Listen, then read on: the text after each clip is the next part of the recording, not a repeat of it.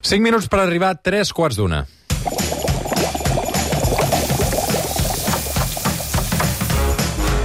L'Arca de Noguer.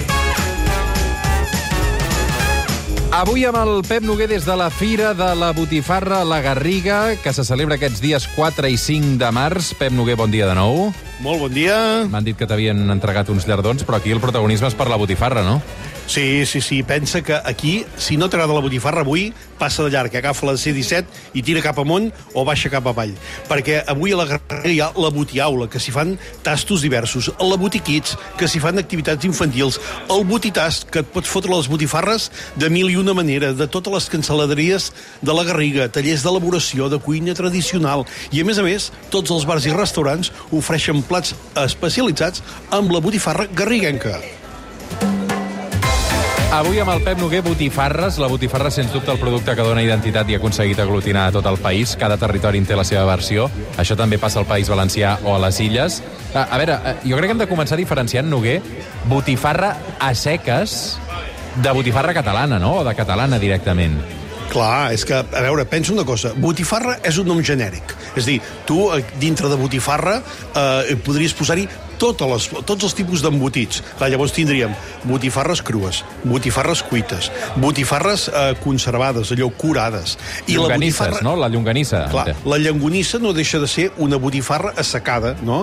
Eh, tot i que ja, tu saps que la tradició, diguem-ne, de, la, de la matança tradicional del porc i de l'elaboració d'embotits fa que depèn d'on siguis o d'on estiguis, eh, aquelles botifarres es diuen d'un nom o d'un altre.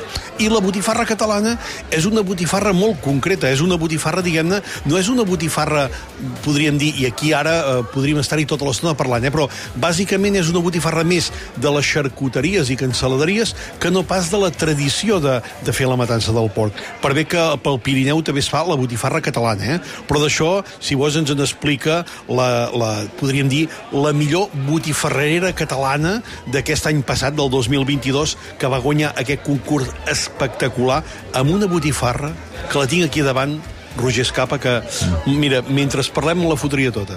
La Yolanda Prasaer, que és la gerent de la carnisseria La Perla de la Garriga i és la guanyadora al Premi a Millor Botifarra Catalana 2022. Yolanda, bon dia. Bon dia. Avui també present en aquesta fira de la botifarra a la Garriga. Eh, què té aquesta botifarra teva que ho va guanyar tot l'any passat?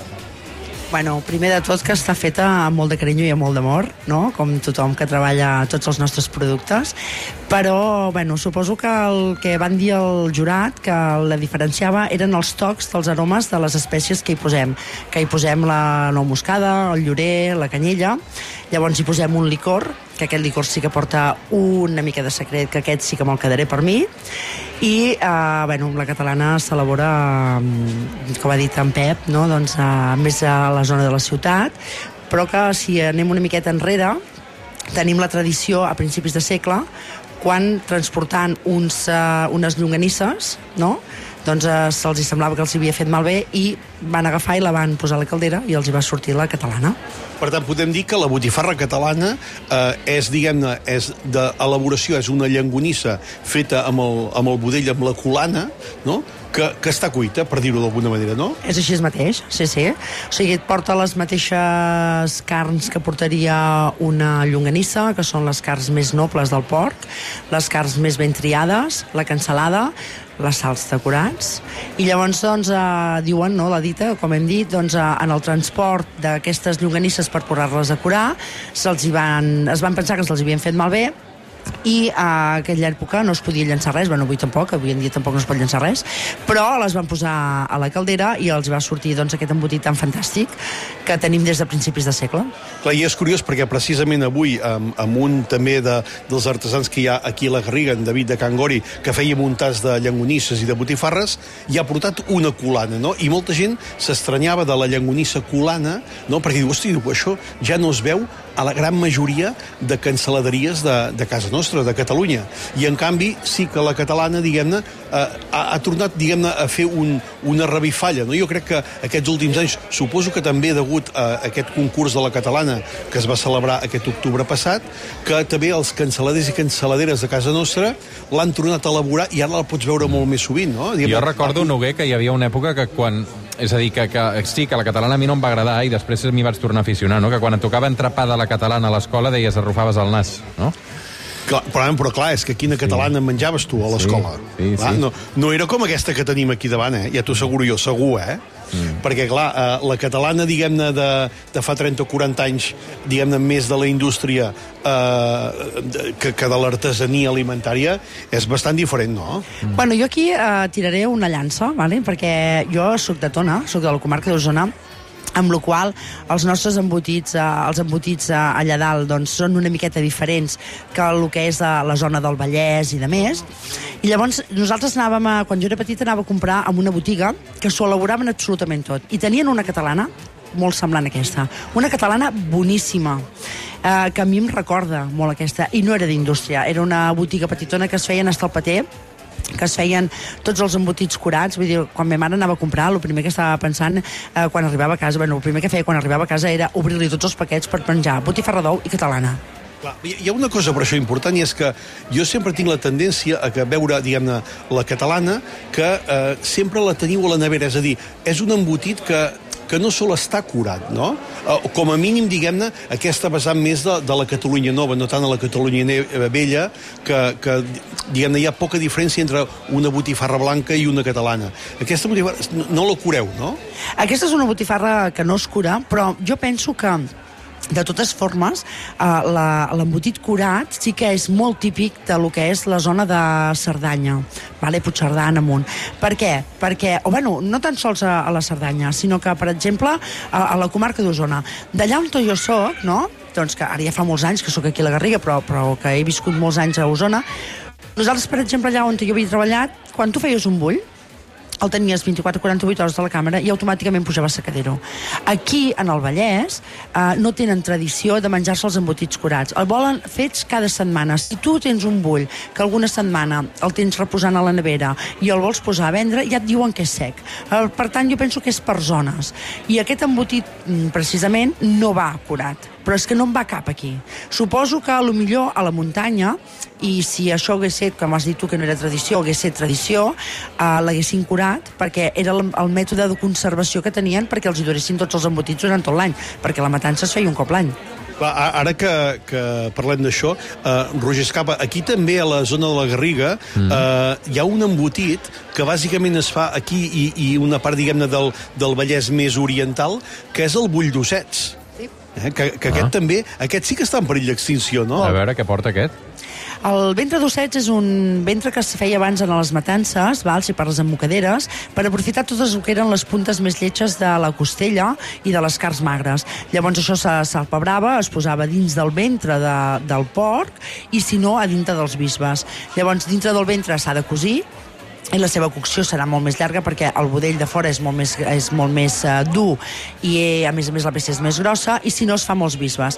I l'únic que porta és això, carn magra, eh, costella, sal pebrada amb una mica de licor o si li vols posar algun toc teu i llavors només bullida.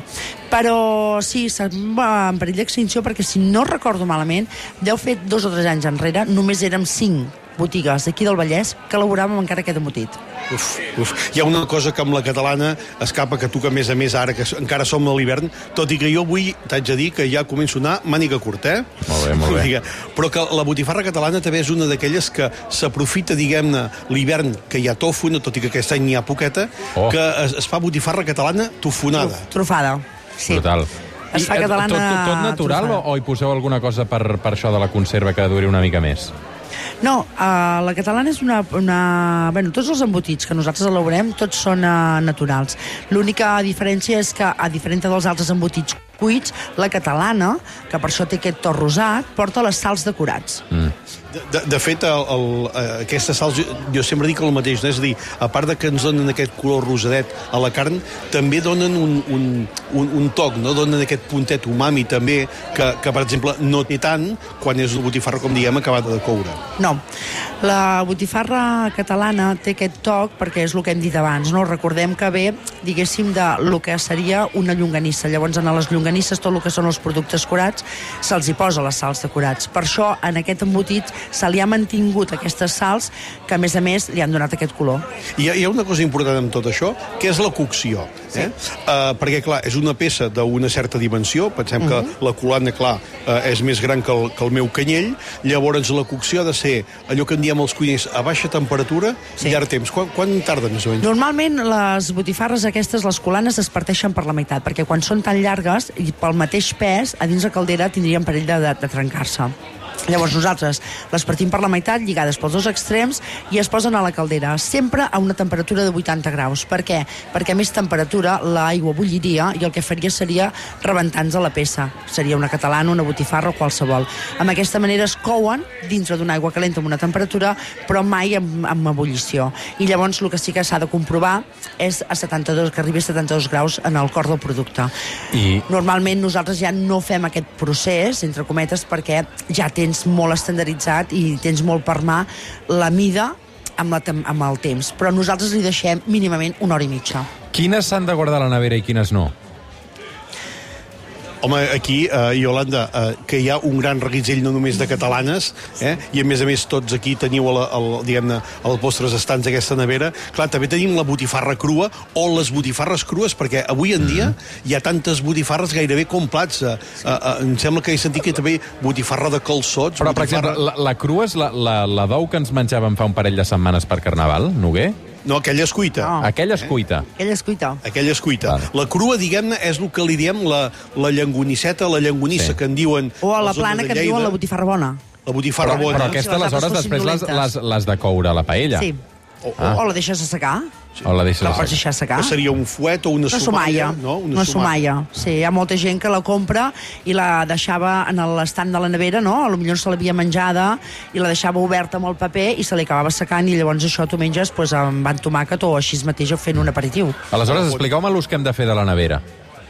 Va, clar, la, la nevera té una cosa important, no, Yolanda, que ens dona per una banda el fred, que això és molt important, un fred controlat, uh mhm. -huh. eh? i a diferència de l'assecador, eh, aquí, diguem-ne, no hi ha un control d'humitat, és a dir, no. la nevera té la seva humitat, per tant, són, diguem-ne, eh, les carns crues, les botifarres crues, que són les que ens duren dos, tres, quatre dies, quatre dies. Eh? i que llavors les hem de coure i les hem de consumir. Correcte, però les cuites també les conservaríem dintre d'aquests paràmetres, o sigui, les conservaríem dins la nevera una miqueta més, perquè el fet d'haver passat per al procés de cocció tenen una miqueta més de conservació, però que sempre hem de tenir present una cosa, com que el budell que nosaltres utilitzem, i parlo per molta altra gent, eh, és natural, si mai no te la menys... Si, estripa, si mai no te la mengessis dintre d'aquests dies, el que és molt fàcil és obres el paper, eh, la deixes assecar una miqueta, li treus el paper i la botifarra que queda dins, la carn que queda dins, està ben bona, o sigui que no la llencin la gent, que a vegades, com que els budells són naturals i fan una mica de llepisot i estan acostumats moltes vegades que quan es compren aquestes de súper, amb tots els respectes, són de plàstic, allò no es fa malbé. No, el que es fa malbé perquè és una tripa natural, no li passa res, traieu-li la tripa i el de dins ho podeu menjar-ho. A mi el que m'agrada de la botifarra vermella, diguem-ne la botifarra crua, la de sal i pebre, eh, escapa, és que tu te la pots menjar a la brasa o a la paella, com dieu, eh, o no, no se m'emporti el llibre, eh, m'estressa, és que se m'emporten el llibre. Què passa, què passa? No, que m'han regalat un llibre i se me l'emporten. Ah. Eh?